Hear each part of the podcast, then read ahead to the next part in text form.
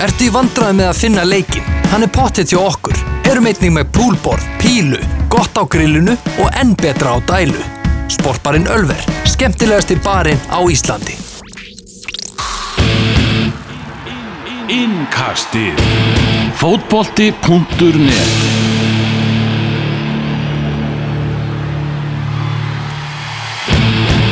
Ennsku úrvalsteildinni er lokið þetta tímabilið. Manchester City besta liðið endað á toppnum með 98 steg. Liverpool með 97 steg. Alveg virkilega sorglegt fyrir púlara því þessi 97 steg hefðu duga til að vinna ennska meistaratitilinn í 116 tilfellum af síðustu 119. Það er náttúrulega bara algjört kæftað, algjört bilun, tvö gegguð fókbaltalið þráttur að Jörgen Klopp fái nú bara tíu í engun fyrir, fyrir þetta tímabil, þá dugur það ekki til að verða englansmestari, sama hvað var reynd í seljakirkju að byggja til almatisins, þá endur leikar svona. Elvar Geir og Daniel Geir Moritz með ykkur. Daniel, hvernig er uh, andrúsloftið í, vestmannu eftir, eftir lokaumferðina? Herri, þetta er náttúrulega bara ótrúlegt tímabil sem við ætlum að gera upp hérna í þessum þætti og það kom hjá mér þá komu tilfinningar sem ég vissi ekki að ég hefði en það kom tímapunktur í leikjónum þar sem ég vonaði að Liverpool erði meistari. Já, þetta er svona ég átti ekki vona á því út að Liverpool stuðnismennur þeir sem að ég kannski svona tekist á við og veist það er allir í fjölskyldinni halda með Liverpool og, og svona svo halda vinni mín svona flesti með Manchester United eða Liverpool. En svo var ég bara ok, það væri svo geggja að þetta myndi bara gerast að ég væri bara til í að sjá þetta gerast þegar hérna, staðnurinn 1-0 fyrir Liverpool og svo 1-0 fyrir Brighton já, en svo fór bara þessi sitt í vél í gang og fengur reyndar ágættis aðstóð bara í hörmulegu Brighton liði til þess já þunnu breytunlið, var ekki eitthvað að tala um það að menn bara höfðu verið að djamma hérna eitthvað fyrir leik? Já, það, ef það er satt þá finnst mér sko, mér finnst það bara jæðra við að vera svipa vittlust og að brjóta veðmálareglur sko. Já, ég heila trúi þess ekki sko. Það var eitthvað að tala um það heila versta sem hefði getað gerst fyrir Brighton var að skora. Það hefði bara kveikt í Manchester City. Glenn Murray skoraði þarna eftir hotspilnu, svo bara liðu eitthvað 80 sekundur og þá var Sergio Aguero búin að jafna metin. Hann náttúrulega elskar stóruleikina og við vorum komin yfir síðan fyrir hálfleik þar Laporte náði að skora Riyad Mahrez og Ilka Gundogan skoruði senni setna áleik og Manchester City einfallega bara rúlaði yfir þetta Brightonlið sem við náttúrulega já, alltaf verið að, tek, verið að tekja á hva, hversu, hversu slaft það er og búið að vera alveg hörmulegt eftir áramót til að bjarga sig bara því að önnulið voru verri. Mm Við getum eiginlega sagt það að, að hérna, Brighton liðið sé nú með lélæri liðum sem við sjáum halda sér uppi og, og Liverpool er langt besta liðið sem við sjáum verða ekki englansmistari Þetta er markahæsta tímabilið í 38 umferða móti sem er, bara segja sér, þetta var bara stórskemmtilegt tímabil. Heldur betur. Og, og, og hérna ekki var nú loka umferðin vombri heldur þannig að þetta er nú búið að vera veistla bara frá fyrstu umferð til þeirra síðustu og ótrúlega mikla sviftingar og, og svo náttúrulega bara þessi þetta tveggja turna eh, tal, eða hvað er maður að kalla það. Það Liverpool og Manchester City sem hafa bara verið í sérflokki. Já, það var svolítið förðulegt andrúslofti kannski svona á uh, Anfield náttúrulega það sem að allt einu kom þessi von þegar Brighton var komið yfir og síðan var hún alveg myrt og, og það komu skot þarna í stúkuna þar sem fólk var náttúrulega bara grátandi. En það, ég segi, þið hafa ekki unni titilin síðan 1990 Já. uh, þú veist 1990 þú veist, var Það Jordan 29 Henderson ár. var ekki fættur þá sko. Já, það eru 29 ár. Það er, er þannig. Herðu þarna Já, þetta er veist, þetta var svona Síðan í lokin bara, herðu, þetta er búið að vera geggja tímabil Við erum á leiðin í úslítaleg meistaradeildarinnar Byrjum aftur að syngja Það mátti heyra um tíma bara svona Sömnál detta á Anfield. Algjörlega. Og svo fóru, fóru menn að kyrja söngva og, og, og þeir fengu hérna, heiðusring eftir leikin og svona og, En Manchester City er besta liðið á Englandi og, og vinna hérna fyrstir til að vinna að verja titilin í áratug sem að segir okkur líka það að þetta er mögulega bara besta lið sem að ennska úrvastildin hefur augum litið. Já, algjörlega og uh, þeir eru náttúrulega að vinna titilina að þeir voru bestir og, og ef maður er að reyna að finna einhverja svona punta, þú veist, hvar misti Liverpool að titlinum að þá finnst mér nú alltaf vera bara þessi leikur á milli þessara liða sem var þarna snemma á þessu ári. Og e, hann er ekki mikið sem hægt er að gaggrina Jörgen Klopp eftir þetta tímabil en liðsauppstillingin hans þegar hann byrjar ekki með Fabinho í þeim leik er eitthvað sem ég hef bara reglulega klórað mér í haustum yfir síðan. Og svo var náttúrulega þessi ótrúlega björgun hjá John Stones í þeim líka. Og getur við ekki sagt að það hafi bara verið meistara heppnin sem að skilda á milli? Þú veist, það er svo ótrúlega lítill munur á þessum liðum að bara svo tækling hans skóp þennan eiginlagsmeistara titil Ég, þú veist, þetta sjá eitthvað annar lið blanda sér í baráttu þessara tveggja liða með að við stöðuleikan og yfirburðina sem að, sem að þau hafa á næsta tímabili maður er ekki að sjá það en það verður náttúrulega mjög forvinnilegt að sjá uh, hvort að tóttina maður ætlar að fara að kaupa dýra leikmenn. Það, það hefur svolítið verið talað um að þeir gæti gert það. Og svo vitum við ekkert hvað, það er ekkert hægt að ráða auðveldlega í hvað Róman Abramovits ætlar að gera. En eins og staðan er í dag að þá, nei, ég sé ekki eh, ég, lið fara að keppa við þessi tvölið Nei, algjörlega uh, Liverpool á besta leikmannin sem var valin á einsku úrstættinu Virgil van Dijk var tilkynnt í dag. Þeir eru hérna með tvo af markaðistu mönnum deildarinnar, þeir eru með hálft hérna úrvarslið opinbera en það er ekki titill. Já, og líka hérna Alisson Becker fekk gullhanskan. Já, Beckerinn fekk fekk gullhanskan, þetta er þetta er, það vandaði bara þann stóra, þetta er náttúrulega alveg bara, þetta er magnað. Eiginlega bara, maður veit ekki eiginlega hvernig maður að, á að orða þetta. Það er svona tilfinningar rússipanni vantarlega sem að fer um stuðnismenn Liverpool. Ég held samt að, að hérna, stuðnisminn Liverpool séu stoltari heldur en þeir eru svektir Já, veist, var, það var við ofarjarla etja mhm. Þú veist, það er ósangjart í raun og veru að Liverpool sé ekki meistari ef, ef út í það er farið.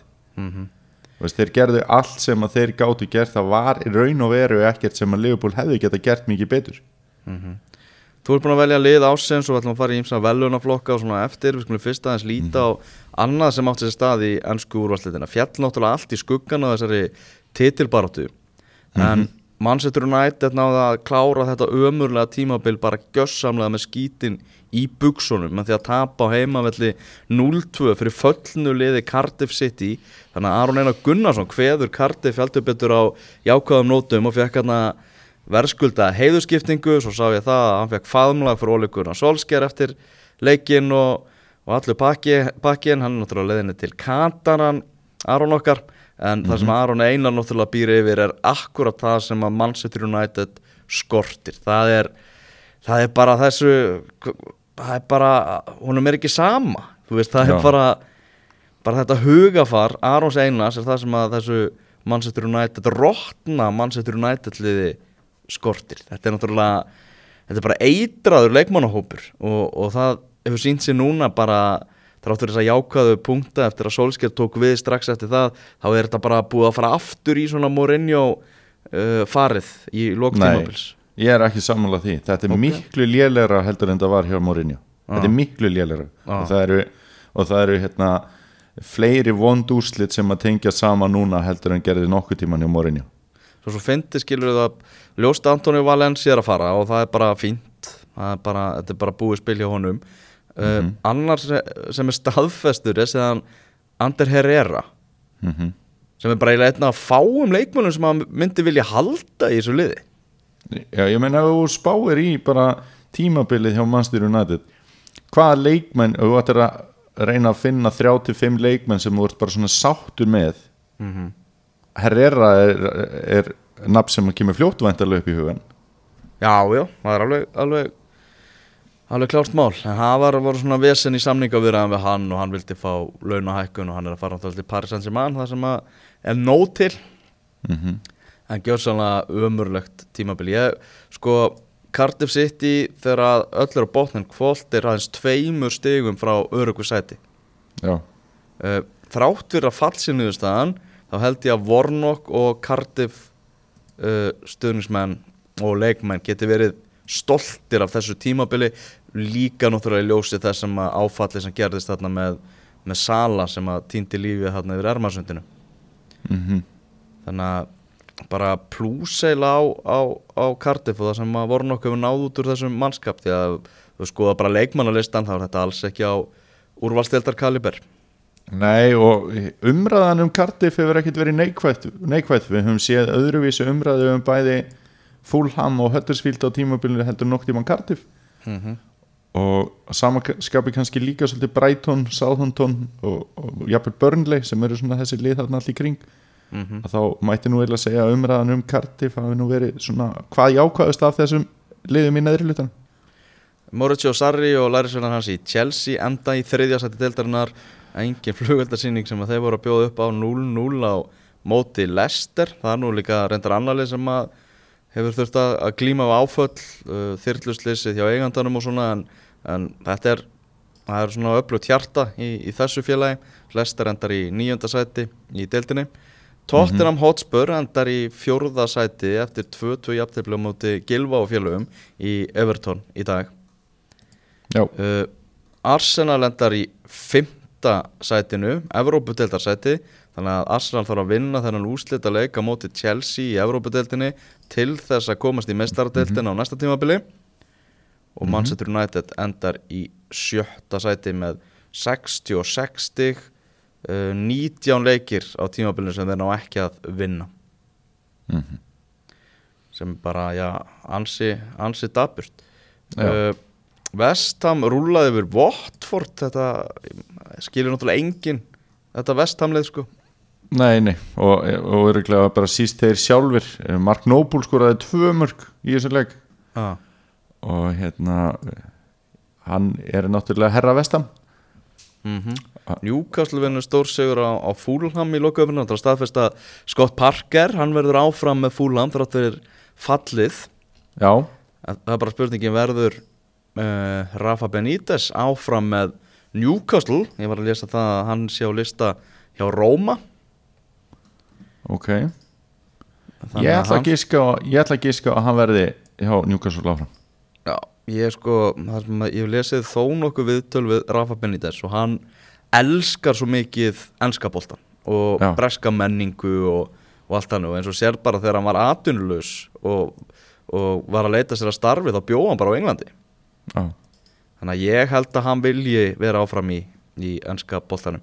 Vonasti þess er hann eftir leikin að hann muni hittast, hitta Mike Astley núna í þessari viku. Og þeir ætla bara að ræða þetta saman í, í rólegheitum. Þetta er alveg komin tíma á það að bara Mike Astley verði ekki lengur eigandi í Newcastle en það er, það er önnur saga.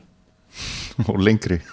Ah, og lengri. Erum við ekki að henda okkur bara í velun afhendingu frá uh, Moritz? Jú, herri, ég er með nokkra flokka hérna sem ég ætla að byrja undir þig og fá því svona til að hjálpa mér að velja og það ætti að vera auðveldara fyrir þig að velja uh, út af því ég gerði tilnefningar. Já, og þetta er svona, hvað er að segja þetta er svona í anda þessara kæfu sem að þið hafa verið með í útastættinum hann er að hérna þeir, án þess að þetta sé eitthvað bara svona alveg þar en við ætlum ekki að vera með sömu hljóðmynd svo dæmis þetta ekki já, nákvæmlega. Það er verður með náttúrulega- þetta aðeins lástendara Æ, hún er þetta frábær sko, mikið þetta á því Herri, það er fall ársins. Ok, og tilnefndir þar eru Jose Mourinho, David De Gea og Keiran Trippier. Já Þetta, eru sem sagt bara svona eh, nöfn í enska boltanum sem að hafa algjörlega drullað á sig á þessu tímambili Já. Uh, Þú veist, já. Ég myndi velja Mourinho í þessu. Bara, þú veist, svo drulla er svo risal, svo viðamikil. Þú veist að taka bara heilt félag og, og drulla á þér, sko. Já. En núna var, var samt hans árangur í fyrra ekkert eitthvað stórkostlegur en David De Gea endar síðasta tímabili eiginlega sem besti markmaður í heimi. Já, já. Þannig að þú setur á Mourinho og ég set á Ég segi sömu rauk Þrátt fyrir að David Gea myndi hafa átt gott tímabil núna Þá hefði jú, jú, United kannski enda sæti ofar eða eitthvað mm. en bara drullan er svo viðamikil með Mourinho. Ok. E, Rángur hestur ársins. Mm. Þar, þar eru tilnefnir Claudio Ranieri þegar hann kemur til Fulham Gonzalo Higuaín fengið til Chelsea og Stefan Lichtsteiner fengið til að koma með karakter í Arsenal-liði. Ég, þú veist, Ranieri tekur þetta sko. Já, ég er sammálað því Hann var ekki alveg með pítsupartíin sem að maður var að vonast eftir sko. Nei og bara því lík vonbriði yngoma hans í Fulham-liði á þessu tímabili sko. Já, það er þannig. Hann er hérna, en Higuaín er náttúrulega ekki að gefa Chelsea liðinu neitt og Stefan Lichtsteiner er náttúrulega einhver lélegasti leikmaður deildarina bara, það verður bara að segjast eins og er. Mm uh, Ára næstu flokkur það er ótímabært ársins.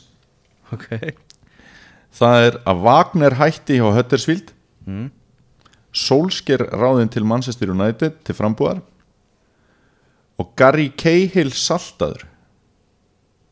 Já, þetta er ráðningin á, á Ole Gunnar Solskjær ég er sammálað því. Já, það er en þannig en mér finnst hins vegar Gary Cahill hafa allt og mikið fram að færa sem varnamaður til þess að spila ekkert á heilu tímabili. Mhm. og og var hérna hjá David Wagner þegar hann fer hjá Huddersfield að hann skildi félagi eftir í sárum því að það vildi enginn að hann myndi fara nema hann sjálfur. Já, hann vissið alveg sjálfur að þetta var döðadæmt Já, já, en Já, já, ég minna öðru sér hefði hann alltaf ekki farið en þessi, núna er tímabili búið, núna er hægt að í raun og veru fyrst almennilega einhvern veginn skoða þessa ráðningu á sólsker og spá betur í spilin og þá erum við hefnir hérna í yngastinu því að við erum með, jú, stuðnismann Manchester United sem heitir Elvar Geir. Hvernig bara líst þér á þetta? Bara sjáum hvað gerist í sumar. Það er það sem ég segi En ég, það er engar líkur á því að Manchester United sé að fara að gera einhverja rósir á næsta tímabili. Næ, en hvað finnst þér um að hann segi það í fjölmiðlum? uh, Bara ég ránaði með að sé ekki að ljúa finnst þér að stjóri mannstu United megi segja bara að United þarf á kraftaverki að halda til að geta verið í titilbaróti Já, ég held að bara hann myndi líta kjána lútið að myndi ekki segja. Hann myndi hugsa bara það er allt til alls til að við bara hendum okkur í titilbartun á næsta tímabili Þá myndi fólk bara byrja hvað Er hann Petro Hippolito eða?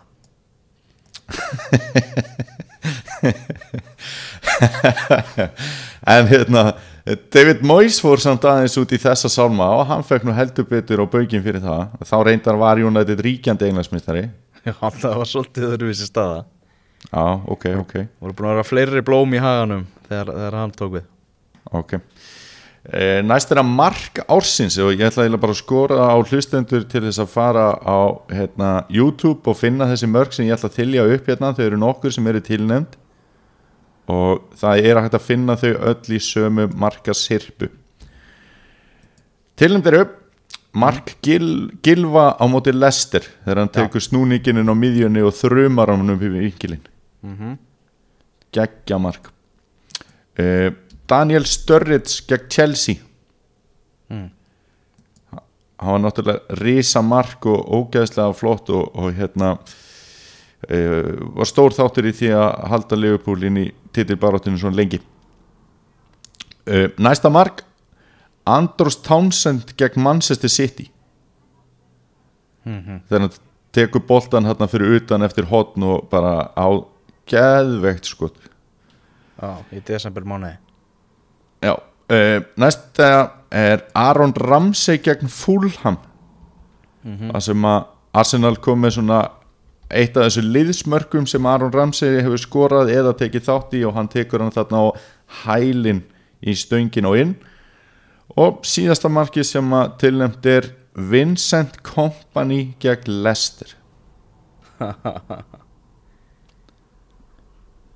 Fi- Já, fi- þú veist, á maður að horfa til skilur svona mikilvægi markana? Sko Yfirleitt eru náttúrulega mörg tímabinsins valin út frá því að vera flott. Já, og þá, þá er eins og þarna þetta eru, eru nokkuð svona ólík mörg uh, til, en hérna ég myndi velja, sko samkvæmt því þá myndi ég velja Andros Townsend á móti City, já, rétt fyrir jól. Já. Uh, ef mikilvægið er náttúrulega þetta mark hjá kompani sem er eiginlega bara svona þegar tímabilið hnótskurt þá held ég að marki á kompani á móti Lester bara sé, sé tímabilið hnótskurt Já, ég, mér finnst það að vera margt tímabilsins. Mér fannst það líka bara svo ótrúlega flott. Mm um, svona þannig lagað er náttúrulega markið á Townsend flott ara en það er eiginlega ekki hægt að velja svona án þess að taka mikilvægi eða, og taka mikilvægi bara alveg út. -hmm. Þannig að við höfum bara snefilega mikilvægi með að þá fer markið á kompani á toppin og er mark ársins. Já, samanlega leikur ársins. Hmm. það eru þrýr leikir hérna tilnefndir. Það er Wolves Leicester fjögur þrjú leikur sem að, uh, var á vormánuðum algjörlega geggjaði leikur. Liverpool Arsenal 5-1 sigur Liverpool. Manchester City Chelsea 6-0 sigur Manchester City. Já. Þetta eru leikirinn sem við tilnefndir. Sko, ég var á Englandi þegar Manchester City Chelsea leikunum var. Og satt þar á bar uh, og horfði á þennan leik í rétt uh, fyrir utan London. Og ég bara persónulega myndi velja, velja þann leik bara einhvern veginn það er leikur sem að maður mun ekki gleyma bara einhvern veginn svona í mómentinu og, og andrúsloftinu sem var hérna þegar ég horfði á hana leik sko. Ok. Já, ég get alveg tekið undir það. Mér fannst samt einhvern veginn þessi Liverpool Arsenal leikur eh, rosalegri mm -hmm. samt pínu skrítið að segja en mörkin sem að Liverpool gerði í þeim leik létu Arsenal liði líta bara svo rosalega rosalega illa út fyrir utan hvað þið voru mörg. Já, og þetta var búið að vera smá svona augnablík með Arsenal, þú voru svona að taka sig í gang og Torreira effekt í gangi ennþá og allt þetta. Og svo verður bara rosalega mikið hrun á Arsenal liðinu og verður ekkit rosalega mikið hrun á Chelsea liðinu þannig, þú veist, þeir náttúrulega náðu vopni sínum aftur og enda á viðunandi stað í deildinni. Þannig ég myndi velja að Liverpool Arsenal leikin ok Kaup ársins Tilnefndir eru David Brooks til Bournemouth. Alisson Beck Skemmtilegu leikmaður. Skemmtilegu leikmaður. Alisson Becker til Liverpool. James Maddison til Leicester. Fabinho til Liverpool. Og Richard Leeson til Everton. Finnst þetta auðvelt, þetta er Alisson. Já, ég er sammála því. Já, 67 miljónir punta sem hann kostaði en braslíumæðurinn er bara búin að verða vera sko rúmlega virði þess sko. Og fær gullhanskan í dag og Uh, svolítið fyndið að við séum með Fabinho á þessum lista sem tilnefndur því að við settum raukt á hann þegar við vorum að skoða uh, kaupin í desember. Þannig að svona getur þetta nú breyst því að það þýðir náttúrulega ekki að spá, spá í þetta fyrir að tímabilið er allt og þá vorum við náttúrulega bara að skoða hérna fram að þeim tímapunkti. Uh, skemmtikraftur ársins. Já, Það er Son Hyun Min Rui Patricio. Markmaður Wools og Divok Origi. Já hann er svona náttúrulega Divok og Ríki búin að vera svona kvöldtetjan á þessu tímabili. Heldur betur og hann náttúrulega hefur í raun og veru bara skapað einhver skemmtilegustu tíma, nei, hérna, augnablikin á þessu tímabili. Já, já. Ég myndi samt kjósa Son. Já, ég myndi líka kjósa hann en mér finnst þeir allir þrýr mér finnst þeir líka gaman að hérna, detta það í huga að hafa Rui Patricio. Já, það er, það er mjög, mjög góð tilhengning sko. Þannig að við sendum þetta til Asíu á Sonin Þá er það e, að lokum e, leikmaður ársins. Já, Það er, tilnæmdir eru Vörgil van Dijk Sadio Mane og Mohamed Salah. Já. Þetta, Þetta fyrir mér. Þetta eru tilnefningar þar Þetta fyrir mér eru bara þrý bestu leikmyndir á þessu tímabili. Virgil van Dijk er bestur. Ok, það er erfitt að hérna, finna að því. Það er allir að velja en það er eitthvað svona í, sem blundar í mér sem langar að velja Sadio Mane sem leikmann ásins Já. Þú sást þetta sem Pep Guardiola sagði hann að Býtu nú við? Hann var að segja að ef hann fengi atkvæðis rétt þá myndi hann ekki velja Korki Van Dijk nýra heim Störling Hann sagði bara að mínum að þetta er sá besti á þessu tímabili Bernardo Silva. Já. Ekki sammála því en hérna e, svo líka finnst mér svolítið áhugaverð það er búið að að tala mikið um Bernardo Silva og hann er mögulega er besti leikmaður mannstu sitt í á þessu tímabili. En hann er, hann var ekki næstíð af góður og kemur til brunni var á síðasta tímabili. Talandi mitt um kemandi bruni Það gerir þetta afreg enn magnara hjá Manchester City að kemandi bruni var bara á öðrum fætinum. Allt þetta tímabil það voru ekki þrýr langir kaplar þar sem hann var frávegna meðsla ég meina hann á örfáar mínútur uh, miða við gæði, þú veist, miða við líkil uh, hlutverk í þessu liði þá á hann bara örfáar mínútur. Já, þannig að það er ótrúlegt um að, ef maður reynir að setja það í samhengi sæjum maður Liverpoolin á öllum þessum stigafjölda ef þeir hefur til dæmis ekki haft Mo Salah eða Sadio Mane á tímabilinu? Já, veist, maður veit það ekki út af þessu, þessum úslítum á móti Barcelona en til að vera alveg heðalur þá er ég ekki alveg að sjá það. Með mistök tímabilsins, ég ætla að henda Jordan Pickford á það fyrir Já. Merseyside uh, slægin. Já, já, ég var ekki með það, það er, hérna, Ég er í raun og veru búið með mína flokka sko, og hérna, við þurfum ekki að tilnæmda neitt annan í það. Nei, nákvæmlega. Í annar sem var- að, þú veist, í skemmtikraftin sko. Já, Ég hefði viljað fá tilnefningu þú veist, Son vinnur þetta? Ég hefði viljað að Mike Dean hefði fengið tilnefningu. Já. Það er Ok, það er mjög áhugaverð tilnefning. Það er náttúrulega dómari sem að hatar nú ekki sviðsljósið. Eh, Hápunkturinn hjá honum var þegar hann hann faldi boltan fyrir Sergio Aguero með því að setja hann inn á sig. Eftir að Aguero skoraði þrennun á móti Chelsea. Já Það er Aguero að mæta og ná í boltan þrennu, þrennu maður fær náttúrulega alltaf að eiga knöttin sko. mm -hmm, Það er alltaf stutt í gríni hjá, hjá dýnarannum sko. Við þá fara í lið ásins Fyrir mig lið ásins uh, Bara uh, Í markmannstöðinu var þetta bara átt að bara fram á síðasta dag. Hmm. Á milli Samlanda, Ederson og Alisson Becker. Þetta eru lang bestu markverðir í deildinni á þessu tímabili. Og Alisson Becker er í liði ásins hjá yngastinu Ok. Vinstri bakkurður fekk enga samhengi Nei, hérna samkefni segi. Já. Það var Andrew Robertson, vinstri bakkurður í Leopold Samkefninu þessa stöðu var engin. Nei, Hægri- þetta, var, þetta var ekki alveg nafni sem maður hefði giskað á í lið tímabilsins fyrir, fyrir sísón Nei, nei, það er það má alveg segja það. Og hann er bara búin að vera stórkostlegur og, og leggja upp öll þessi mörg Hægri bakkurður hann endar uppi með það að vera búin að leggja upp fleiri mörg heldur en Andrew Robertson Já, Það er Trent Alexander Arnold.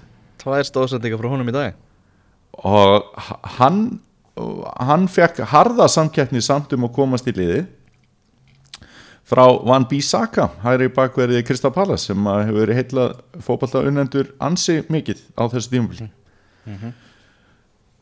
uh, miðverður leikmaður Rossins búinir að tala um hann og hans gæði margóft vörlgi Van Dijk og, og maður verður bara mjög spenntur að sjá líka bara hollenska landsliði í framtíðinni þar sem að Van Dijk og, og Mattias Di Líkt verða miðvara parið sem er náttúrulega mjög spennandi og væri náttúrulega mjög spennandi að Liverpool myndi bara sitja núna allt púður í að kaupa Di Líkt þannig að e, Van Dijk er þarna. Og við hliðin á honum er Laporte. Og Jan Vertongen var svolítið lengi í liðinu hjá mér. Hann, uh, Laporte fekk harða samkeppni frá honum en svo fór ég lí- líka bara svona að hugsa þetta betur. Sitt ég með uh, eila bestu vörnina og, og hérna Laporte er besti varnamæðinu þeirra á þessu tímabili. Og svo er hann alltaf að gefa sitt í liðinu svo ógæðslega mikið með þessum sendingum sínum og til dæmis markið og Aguero er bara beint frá honum og svo kemur næsta mark og þá skora hann það sjálfur. Þannig að hérna, hann er bara svo ótrúlega flinkur í fótbolta. Þá komum við að miðjunni ég ætla að spila fjóra, þrjá, þrjá eða við ætlum að gera það í þessu liði. Og fyrstur á miðjuna er Bernardo Silva. Ertu með einhver orðum hann? bara frábært tímabil og við vorum að tala með þetta um Kevin De Bruyne á þann það er bara stór ástæða fyrir því að De Bruyne var ekki saknað og, og svo ástæða heitir Bernardo Silva. Akkurat, og það er nú engin smá spór að fylla e, Djúpu miðumæður er Ruben Neves hjá Wolves. Já, Hann flýgur þarna inn í lið ásins og fekk ekkit rosalega mikla samkettni í þarna. Ég fagna því að, að Úlfarnir eigi sinn fulltrúa. Já, hann er alltaf bara búin að vera gerðsannlega frábær. E, Þriðja maðurinn inn á miðuna e, meðist hann líka að hann hefði jafnvel geta farið í skemmtikraftin sko, en það er Ryan Fraser. Já, hann, ég ætla bara að henda honum í lið ársins bara fyrir sína framistöðu í svona nokkuð slöku bormáð lið þar sem hann er að leggja uppfyllt af mörgum og skora líka og, og hérna hann síndi líka bara stöðuleika og svona yfir allt tímabili, þetta var ekkit bara einhver svona kapli, hann dúkaði alltaf aftur og aftur upp, þetta var svona pirrandi leikmaður örugglega fyrir marga fantasíspilara. Og, stundum kannski veðjar á hann og þá kom ekki akkurat leikurinn og þá var bara svona, já já, hann er búinn, ég sel hann og þá bara gera hann eitthvað í næsta leik og eftir. Þannig að hérna, hann er flottur. Um, síðan er það fremstu þrýr og það eru leikmenn sem eiga að skora mörkin og leggja upp og ég valdi bara þá sem að fengu gullskóin í dag. Það er Mo Salah, Pierre-Emerick Aubameyang og Sadio Mane. Já, þeir fara í lið ásins, þarna er ég að skilja eftir Störling, Hazard og Aguero, sem dæmi séu tekin. Wow, hvað er í með marka í þessu liði? City er með tvo í þessu lið Já Þetta er lið ásins að mati innkassins og málið með City er að, þú veist, ef við ættum að velja lið ársins sem bara, þú veist einstakt lið, ekki skipa leikmennum úr okkur öðru, þá veljum við náttúrulega City því að þeir eru bestir, Já, já. En það voru svo ofta ekkert einhvern veginn svona leikmenn að taka sviðsljósi, þetta var svona það voru Margir að draga vagnin en margir að draga vagnin sko á meðan hérna eins og hjá Liverpool þá voru það jú, vissulega margir að draga vagnin það líka en það voru kannski fleiri þar sem maður upplifði í einhvers konar farþegar hlutverki þannig, og veist, bara miða við þá það er allra bestu heldur en nokkuð tíma nýja sitt í liðinu sko. Það er svoleiðis. Og hver er stjórin? Hver er besti stjóri tímabilsins? hvað þú með tilnefningar, skjótu upp bara svona út í blóin, Guardiola, Klopp og, og hvað, stjóri? Wolves? Já, Nuno. Já, verðum við ekki bara að setja það á Guardiola eða? Já Pep Guardiola. En hann sást svolítið í lokinu á tímabilinu Það var gott stress í Guardiola sko. Já, já, einmitt við tölum náttúrulega um hennar leik hérna á móti Lester þegar hann setti bara alla miðverðina sem hann átti inn á og svona. Hann, hann er hérna hann er bara stórkostlegt tímabil hjá Guardiola og, og, og hérna ég var að, ekki Guardiola aðdáðandi þegar hann var með þetta Barcelona lið sem að vann allt og var langt besta því mér fannst það bara ekki droslega skemmtilegt. Nei þetta tiki-taka he- heilla mig ekki þó að það sé náttúrulega ótrúlega mikið list og, og yfirbyrðið sem að þeir voru með þar en áræðnin sem að er í sitt í liðinu hún er öllu meiri heldur en var þar og, og þess vegna það er bara unnun að horfa á þetta sitt í lið þetta er bara frábært lið Þetta er nefnilega frábært lið sko.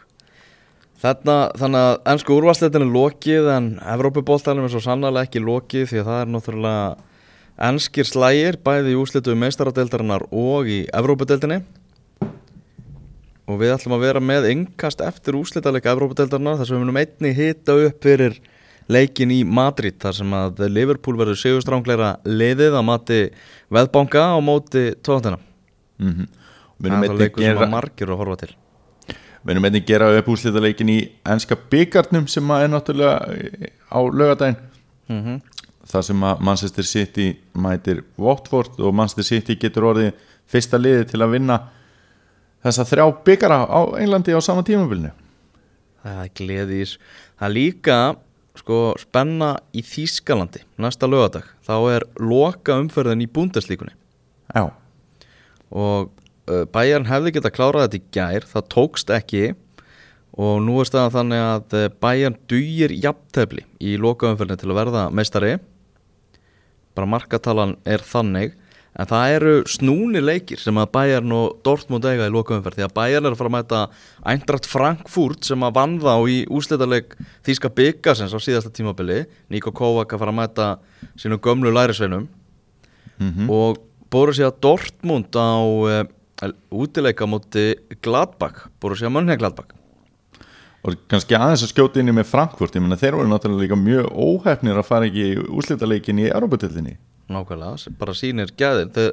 þessi lið eru með 55 stig núna, eru bara í fjórða og fymta sæti deltarinnar, Frankfurt og, og, og Gladbach, þannig að þetta getur orðið einhver dramatík í lokin í tísku búndaslíkunni þrátt fyrir að liðan svo Bayern ætti að klára þetta en Bayern liðið er ekki alveg jafn uh, örugt og, og, það hefur verið undan fyrir nár heldur að bæjan sé að fara að skipta um stjóra í sumar?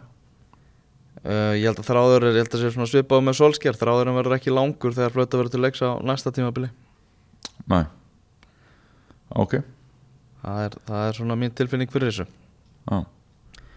Jam, jam, jam, jam. Heyrðu, er þetta ekki bara bankin tæmdur í þessu uppgjörs innkasti okkar?